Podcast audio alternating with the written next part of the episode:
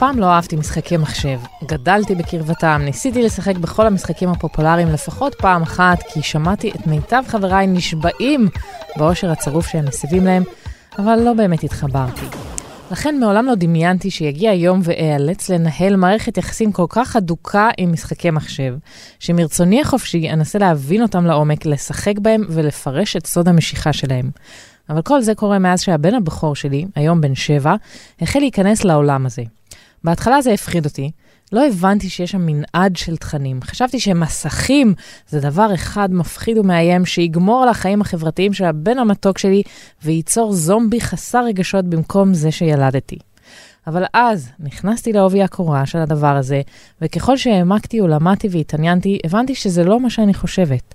היום אני מתפעלת מהיכולות הטכניות של הבן שלי, מופתעת לגלות שהוא למד לקרוא ולכתוב באנגלית בזכות המשחקים, שהוא מתקשר עם ילדים של חברים או בני דודים שהם כפול מהגיל שלו, בנינוחות כזאתי על משחקים שאני בקושי מצליחה להגות את שמם.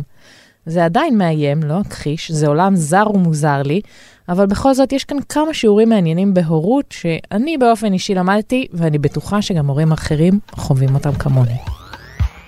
ברוכים הבאים ללה פמיליה, פודקאסט המשפחה של עיתון הארץ. אני נטע אחיטוב, עורכת מדור משפחה וכתבת כאן בעיתון. בשבוע שעבר נועה לימוני הבטיחה שהפרק היום יעסוק במשפחה החרדית, אבל אילוצים לוגיסטיים אה, לא אפשרו לנו, ואנחנו מבטיחים לשדר את הפרק הזה בפעם אחרת.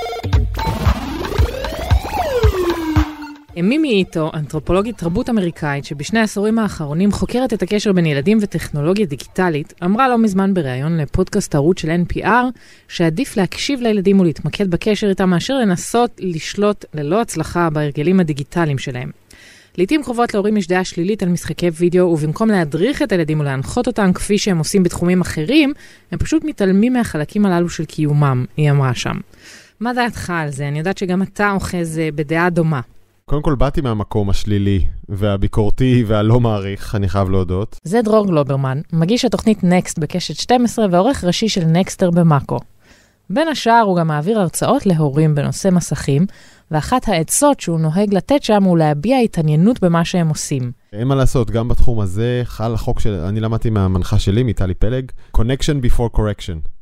קודם כל החיבור לילד, ואם חלק גדול מהעולם שלו, בדיוק כמו שלך, אדוני המבוגר, נמצא בתוך המסך והדיגיטל, קודם כל להכיר את העולם הזה, ורק אחר כך יהיה לך אולי קרדיט מול הילד, לבוא בביקורת ולהתחיל לנסח הגבלות. כן, זה דומה לתהליך שאני עברתי, זה מאוד מאיים בהתחלה, אבל אז כשאתה מעמיק ונכנס, אז אתה מגלה שזה לא מקשה אחת. זה גם שינוי שאני אישית עברתי, אני חושב שעוד הרבה אנשים, וזה לעבור מלבקר בכלל את המסכים, ואפילו קצת להפסיק למדוד זמנים, כי זה הדבר היחיד שאנחנו מודדים, וגם שאפל וגוגל מודדות, לעבור לכמה זמן הם שם, אלא מה הם עושים שם. ואז אתה מגלה שיכולים להיות המון דברים ממש מעולים. מילא להתעניין, זה החלק הקל, אבל ההתעניינות הזאת היא צריכה להיות לא שיפוטית, שזה כבר קצת יותר מסובך כשמדובר בילד בן שבע שמשחק משהו אלים, או בילדה בת שמונה שצריכה לאפר עכשיו ברבי מושלמת על המסך שלה. ובכל זאת, נשמו עמוק, נסו. זה חשוב ומשתלם, כפי שמסביר דרור. אני חושב שההורים נהיים יותר ויותר מודאגים מזה שהם מזהים שהילדים שלהם באמת תלויים במכשיר, בין אם זה לצריכת אדרנלין, שזה גם ממכר, ובין אם זה לתקשורת, שהיא חליפית לתקשורת פיזית, ואז כישורי התקשורת הבין-אישית שלהם נפגעים. בעיות של ריכוז, שאנחנו רואים כולנו, כלומר אין להם שום דרך להתרכז, הכל זה תחרות. כמות האדרנלין שאני מקבל מטיק טוק או מנטפליקס, אין דבר שישווה לה. ואז גם אתה, ההורה, וגם החברים שלי, וגם המורים, סופר משעממים, כי אני רגיל לבוסטים. וספרים בטח, בדיוק, זה סופר משעמם. כל דבר שמצריך טיפה עמקות וריכוז של יותר מכמה שניות, הוא חתיכת אתגר. איזה תובנות אתה מבקש שהם יצאו מההרצאות האלה? אחד, לא להנמיך את העיניים לגובה ההסתכלות של הילד, וכן להבין מה הוא מוצא במה שהוא עושה, וכן להבין גם מה אתה מוצא במה שהוא עושה, ואם הורה משחק עם הילד שלו פורטנייט זה אדיר בעיניי. זה פשוט עדיף על פני שהוא ישחק לבד. ואני חושב שאחרי שההורה שיחק, אז יש לו גם קצת יותר מנדט להגיד לילד, אוקיי, בוא נסתפק ב-40 דקות היום. כי בכל זה עושה לך ככה וככה, ולהסביר ולהראות לילד, הנה, תראה איך אתה מרגיש אחרי ששיחקת. תראה איך אנחנו מרגישים אחרי שאנחנו שיחקנו. רק בא לנו עוד ועוד ועוד. אז צריך לעשות לזה סוף. ולעודד מאוד כיווני יצירה. בעניין הזה, יותר מתמיד, אני חושב, חשוב, סלחי לעברית, למצוא את הדבר שהילד ממש מתחרמן עליו, בין אם זה מוזיקה או גרפיקה, או ליצור videos או whatever, ולפתח את זה יחד איתו, הוא יכול ללמוד, כמות ה tutorial וההשכלה שאפשר לרכוש מהרשת היא מדהימה. ואיך אתה מתנהל כאבא עם בנותיך, הן יותר צעירות אה, מגיל 16, ואיך אתה מתנהל איתן בכל הקשור למסכים? חשוב לי נורא להגיד, אני גם כמבוגר וגם כהורה, אני באמת לא יותר טוב מאף אחד אחר. זה אומר שגם אני מבזז יותר מדי זמן בעצמי מול המסכים, גם אני נשאב לרשתות חברתיות, והילדות שלי כרגע, המסע שלהם בעיקר זה כל מיני סדרות ילדים בנטפליקס, אז, אז אני חייב לדעת שברמה הפנימית, בשיח שלי עם עצמי, אה, היות שהן אה, צופות באנגלית, אז כאילו אני מרגיש טיפה יותר טוב, זה נותן לי תירוץ להתיר טיפה את החבל, כי הנה, הן מרוויחות מזה משהו. אני גם בביקורת על זה, פנימית, והתחלתי איתן קצת משחקי מחשב, שבאים מאתר NPR או BBC או כאלה, יש להם אזורי ילדים. ואז זה ממילא קורה באנגלית, אבל זה לא המטרה, זה רק התקשורת, זה על מספרים ועל אותיות ועל שברים ועל כאלה, אבל הכל בכיף. ויש דברים שאתה בכל זאת מונע מהם? אני מודה שעכשיו ספציפית, את מדברת איתי כשאנחנו בסיומם של 12 או 13 ימי בידוד. וואה. בידוד אני ושתיהן, אימא מבודדת בנפרד, אימא בבידוד מאיתנו. אז אני מודה שהרסנים טיפה הותרו, כי, כי אחרת לא יכולתי לנשום. נגיד עכשיו שאנחנו מדברים, מה נראה לך קורה בבית? שקט מאוד, באופן מחשיד. בדיוק, אבל נגיד לדבר עם בני משפחה במסך זה סבבה, ויצירה דרך המסך ואומנות זה סבבה, למרות שגיליתי שיש ז'אנר ממסטל לחלוטין של הצביעה. את מכירה את זה? לא, מה זה? הן נורא אוהבות לראות coloring, אה, כאילו אה, דפי צביעה נצבעים. וואו. וזה פשוט ממסטל. זה מדהים. עכשיו, בהתחלה עוד היינו פתאים, חשבנו זה אומנות, בסדר, אוקיי, אז היא רואה איך מישהו אחר צובע את אלזה, מה אכפת לי? ואז קלטתי שהם פשוט הופכים לזומביז. זה כמו unboxing, זה ז'אנר... ממש, ממש. עכשיו, זה, זה מתחבר לתחום שלם שאני חוקר אותו כעיתונאי ומרצה עליו, וזה באמת הדרך של מסכים למכר אותנו. ושם אני קצת לפעמים נמצא בהתנגשויות, כי זה פועל גם עליי וגם עליהן. אני מזהה את הדרכים האלה, זה נמצא בצבעים, זה נמצא בחיזוקים, זה נמצא, נמצא בתגמולים, בצלילים. כשבגילים יותר מאוחרים זה באקשן, באדרנלין, בתחושת ערך, בחיבור אה, רגשי שהמסך מייצר אצלך, שכשאנחנו נגיע לשם, אני מודה שאני אהיה בדילמות לא פשוטות. אני אסיים בהמלצה על הבידוד שעוד נשאר לכם. אה, יש אה, אפליקציה שנקראת לינגו קידס, זה משחק שמופיע על זה הלוגו של אוקספורד, אז כמובן שמיד הסכמתי לשלם על זה כסף, כי אוקספורד, אה, אבל האמת שלומדים מזה הרבה, וזה בדיוק לגילאים הרכים האלה, עד גיל 6 כזה. קריאה וכתיבה, והוא למד הקטן שלנו אה, חצים למשל, איך כאילו, מה החצים אומרים, וכל מיני uh, סימנים כאלה וואו. מאוד חביבים, כן. בקיצור, יש דברים חיובים לעשות. אם צפויים לנו עוד ימים ושבועות ארוכים של בידוד, we should master that. כן. נכון? כדאי שנתמחה בזה. כן. טוב, דרור גלובמן, תודה רבה. אה, בריאות, אה, מסכים טובים וחיוניים אה, וברכת אמן. בידוד קל. בשנת 2017 פורסם במגזין Scientific American מאמר חביב, שבו תיארו צמד חוקרים מאוניברסיטת רוצ'סטר את אחורי הקלעים של מבחן פסיכולוגי שהם בנו לפני הרבה שנים. שון גרין היה סטודנט בן 18 שעבד אז במעבדה, והתבקש על ידי החוקרים לתכנת את המבחן, שבו יצטרכו משתתפי המחקר למצוא צורה ספציפית בתוך רקע כאוטי ועמוס. כשהוא והחברים שלו עשו את המבחן, הם הצליחו במשימה באופן מושלם, 100% מהפעמים. אבל בכל פעם שהחוקרים המבוגרים ניסו אותו, הם השיגו ציונים ממוצעים. כשהם ניסו להבין מה ההבדל בין החוקרים לבין גרין והחברים שלו, הם גילו שהצעירים משחקים למעלה מעשר שעות שבועיות במשחקי מחשב, והחוקרים המבוגרים, לא. זה כל כך ריתק אותם, שהם החליטו לשנות כיוון והחלו לחקור לעומק את ההשפעה של משחקי מחשב על המוח ועל ההתנהגות.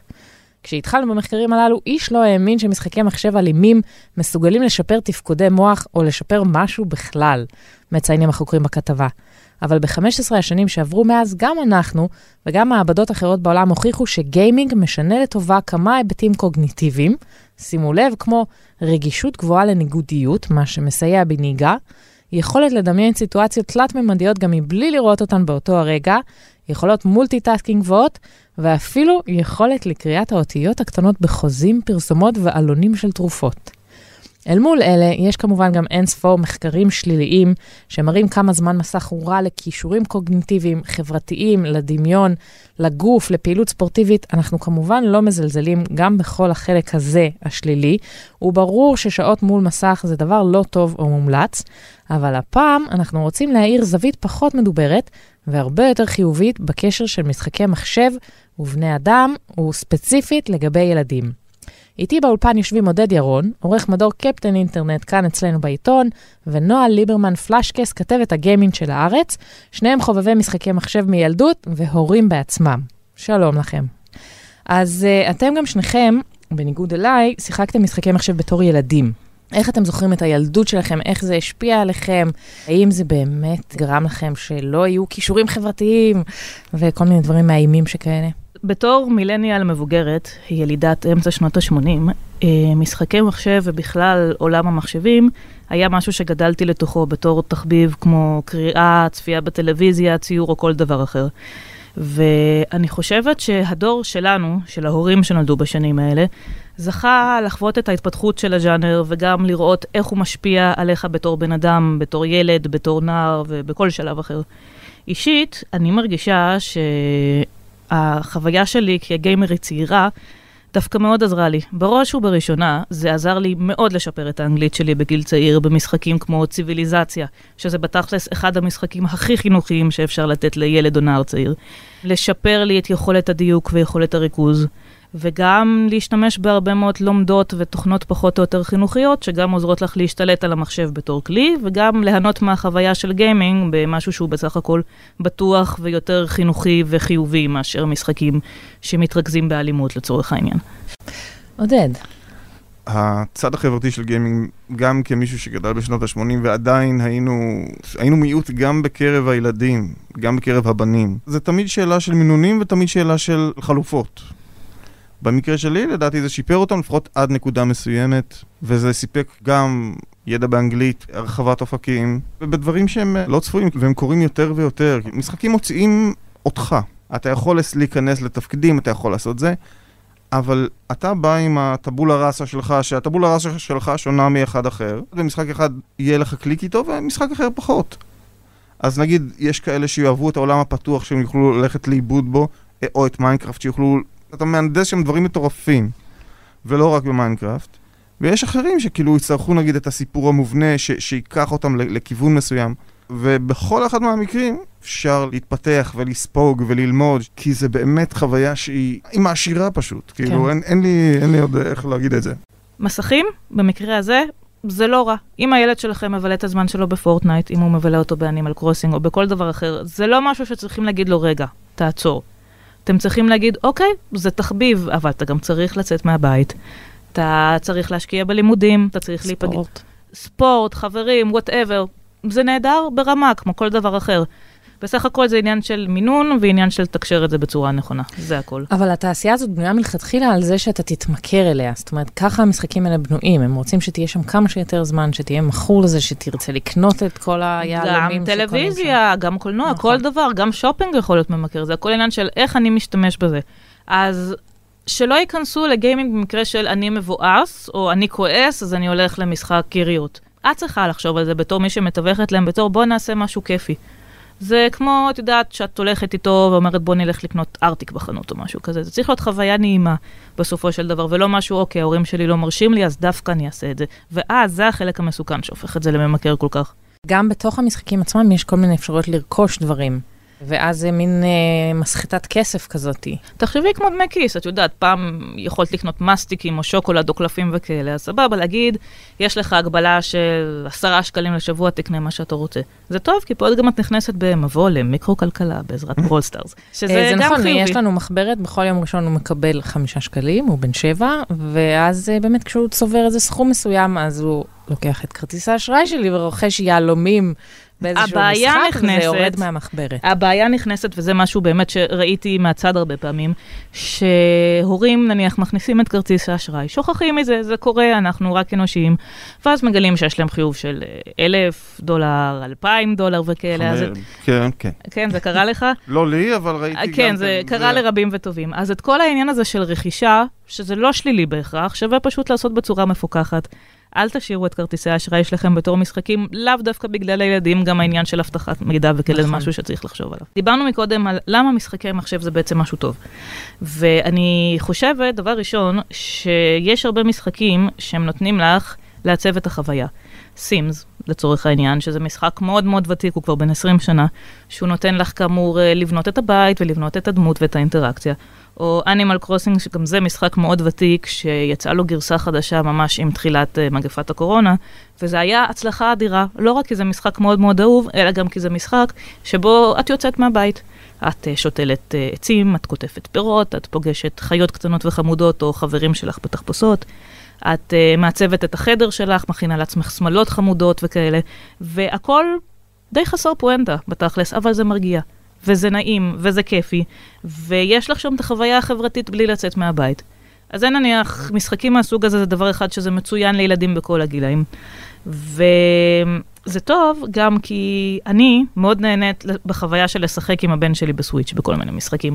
גם כשאנחנו חוזרים למשחקים שאני גדלתי עליהם כמו סוניק, שזה בתכלס משחק עתיק, אבל אני רואה שהוא נהנה מזה באותה רמה שאני נהניתי, מתעצבן על אותם אויבים. זה גם מאוד מחזק לו את הביטחון העצמי, כי הוא רואה שאם הוא משתדל, ואם הוא מנסה, ואם הוא מאמין בעצמו, הוא מצליח בסופו של דבר. וגם שאם הוא לא מצליח זה לא כל כך נורא בפני עצמו, זה מעין חממה בטוחה להתמודד עם הצלחות וכישלונות. זה גם נותן לך זמן של ביחד, זה גם לוקח את זמן המסכים, שזה משהו שהורים נורא מפחדים מהמוסך הזה, וזה הופך אותו מצפייה פסיבית בנינג'ה ישראל, או במפרץ ההרפתקאות, או יהיה בין כמה שהילד שלך יהיה.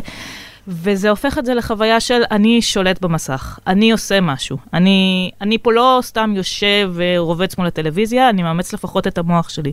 אם לא פיזית. אגב, יש משחקים כמו Just Dance, או משחקי אולימפיאדה שיש ב Switch ויש ב Xbox, נראה לי Kinect, אם עדיין כן. זה עובד.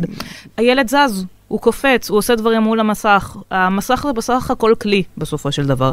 ואני חושבת שאם משתמשים בו בצורה חכמה ומושכלת, זה יכול להיות כלי חינוכי וחברתי אדיר. ובוא נדבר ספציפית על Fortnite, כי זה משחק מאוד פופולרי עכשיו בקרב ילדים מאוד צעירים, והוא מאוד אלים. יש שם כל מיני סוגי כלי נשק, אתה הורג בכל מיני דרכים, אתה מנצח כשאתה הורג את כולם. מה דעתכם על המשחק הזה? אני חושבת שהגדולה של Fortnite, מתחילה ברגע שאת אומרת, אוקיי, זה משחק אלים, זה משחק רפיטטיבי, אבל מה שהם עשו שם זה משהו מאוד מעניין מבחינת איך להכניס ילדים לעולם של גיימינג, שהוא בתכלס הרבה יותר מסובך ממה שהם רגילים אליו. וגם להכניס אותם למעין עולם שמעניין אותם, עם דמויות שהם מעריצים.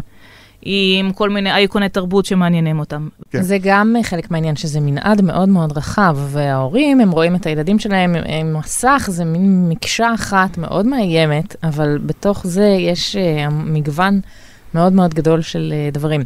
ההבדל בין הילדות שלנו לבין הילדות של הילדים היום, הוא שהיום יש את הסלולרי ואת האייפד, ולא צריך ללכת ל... Uh, היה אז PC ומק כאלה כן. ענקיים ומסורבלים כאלה בשביל לשחק, וזה היה גם רק בירוק ושחור.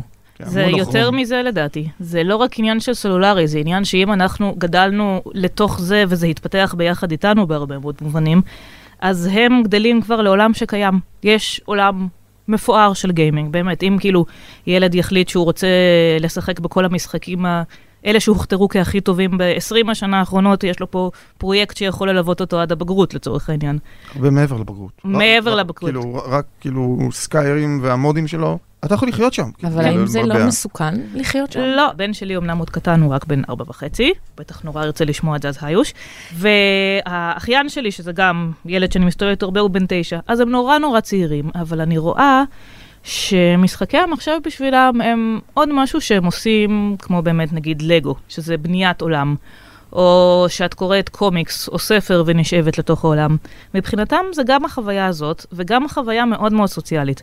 אם נניח עודד הזכיר את העניין של ללכת לחבר לשחק איתו, הם לא צריכים את זה עכשיו, כי יש להם את האופציה של משחקי אונליין. וכל עוד שאת מתווכת את זה ובודקת שזה עם אנשים שהם מכירים, או אנשים בשכבת הגיל שלהם, זה יכול להיות חוויה נהדרת גם מבחינה חברתית, גם מבחינת uh, שיתוף פעולה, גם מבחינת uh, רכישת uh, יכולות שפה, שזה מעולה. ואני מרגישה שזה יכול לעשות להם הרבה מאוד טוב. בוא נדבר על סרטוני היוטיוב שמסבירים איך לשחק. זה מאוד מאוד פופולרי עכשיו, ו- וגם יש המון סרטוני How to. הבן שלי למשל רצה לדעת איך עושים X-ray במיינקראפט, אז הראיתי לו איך ביוטיוב עושים How to ועולם חדש ונגלה עליו. אבל עדיין הצפייה הפסיבית הזאת בממישהו אחר משחק, היא נראית ממש זה תמוהה. זה משהו שאני מאוד מאוד לא מתחברת אליו, זה באמת, אני רואה okay. את, אוקיי. ה, את האחיין עושה את זה הרבה. אבל את צריכה לחשוב שהדור הזה מתייחס ליוטוברים בתור דת או בתור סלבס וכאלה, כמו שאנחנו היינו מתייחסות uh, לצורך העניין ל... נניח אדם או מיקיאגי, או תלוי באיזה רמת הגיל המאזינים שלנו. זה אותו דבר מבחינתם, זה כמו אח גדול או מבוגר ממש מגניב, שגם יש לו כסף למחשב חזק ולכל המשחקים הכי חדשים, גם יש לו יכולות, והוא גם פונה אליך בתור ילד צעיר שיש לו את אותו תחביב ואומר, בוא, אתה יכול לעשות את זה ככה וככה וככה. יש לזה מקום, כי באמת לפעמים להיתקע באותו שלב פעם אחר פעם אחר פעם, זה הדבר הכי מתסכל בעולם. לצורך העניין, אני חושבת שמאז שהיה לי גיימבוי ונתקלתי על שלב מסוים בסופר ווריו 3, לקח משהו כמו 22 שנה עד שהצלחתי לעבור אותו בזכות צפייה ביוטיוב. אז זה לא בהכרח שלילי, אבל את צריכה להתייחס לזה בתור משהו כמו איך סורגים או איך מכינים של טייסטי וכאלה. אז את זה כן למנן. למנן, ואת יודעת, וכאילו, למה זה מעניין אותך? מה, מה מושך אותך בו? אני חושבת שהרבה ילדים שתשאלי אותם יגידו, כן, אני רוצה להיות יוטובר שתהיה גדול, אבל זה כמו להגיד, אני רוצה להיות מפורסם. אני רוצה שיהיה לי כסף למחשבים, אני רוצה שיאהבו אותי. בסופו של דבר, בסדר, זה החלק הפחות חיובי לדעתי, כל העניין של הכוכבות וההערצה הזאת, אבל זה לא החלק העיקרי. אני מציעה לכל הורה לנסות להתחבר לילד הפנימי שלו. תנסו לשחק גם עם הילדים במשחקים שאתם גדלתם עליהם. יש מצב שהם ייהנו מזה ואתם תיהנו מזה הרבה יותר ממה שאתם חושבים. כן, הערך הנוסטלגי כאן הוא גם גדול. כן. תודה רבה, אני ממש תודה. מודה לכם. עודד ירון, עורך מדור קפטן אינטרנט, כאן אצלנו בעיתון, ונועה ליברמן פלאשקס, כתבת הגיימינג של הארץ. תודה. אז בואו נסכם את כל מה ששמענו היום. בראש ובראשונה, הורידו את מפלס החרדה. הכל בסדר עם הילדים הגיימרים שלכם. אחר כך, נסו להתעניין, אבל באמת להתעניין, ובאופן לא שיפוטי, במה שהם מתעניינים בו, כלומר במשחקי המחשב. הדבר הבא זה נסו לשחק איתם במשחקי המחשב האלה, להבין את סוד המשיכה שלהם וגם לנתח את המנגנונים שלהם. אחרי שתשחקו איתם, תהיו הרבה יותר ראויים להגיד להם, די, מספיק, היום רק 40 דקות. כשמדובר בילדים צעירים, שימו את המחשב בסלון או במקום כזה מרכזי בבית, כדי שתהיה לכם יותר שליטה על התכנים וגם על האנשים שהם משוחחים איתם דרך המשחקים. נסו למשוך אותם למשחקים היותר חינוכיים או הנרטיביים, היותר מתוחכמים, כי זה בוודאות יקנה להם כישורים טובים לחיים, וגם נסו לשחק בעצמכם, ותראו, זה לא כל כך נורא. אז בסך הכל, משחקי מחשב זה בסדר גמור, אז הזמן מסך הוא שפחות טוב, אבל אפשר להוציא מזה את המיטב. עד כאן להיום, אנחנו רוצים להודות גם למאיה בן ניסן על ההקלטה, לאמיר פקטור העריכה. אני נטע אחיטוב, בשבוע הבא תהיה כאן נועה לימוני, כתבת המשפחה של העיתון. אנחנו מזמינים אתכם להירשם לפודקאסט שלנו בכל האפליקציות האפשריות וגם לדרג אותנו. זה עוזר לנו להגיע למאזינים חדשים. שיהיה לכולנו סוף שבוע נעים.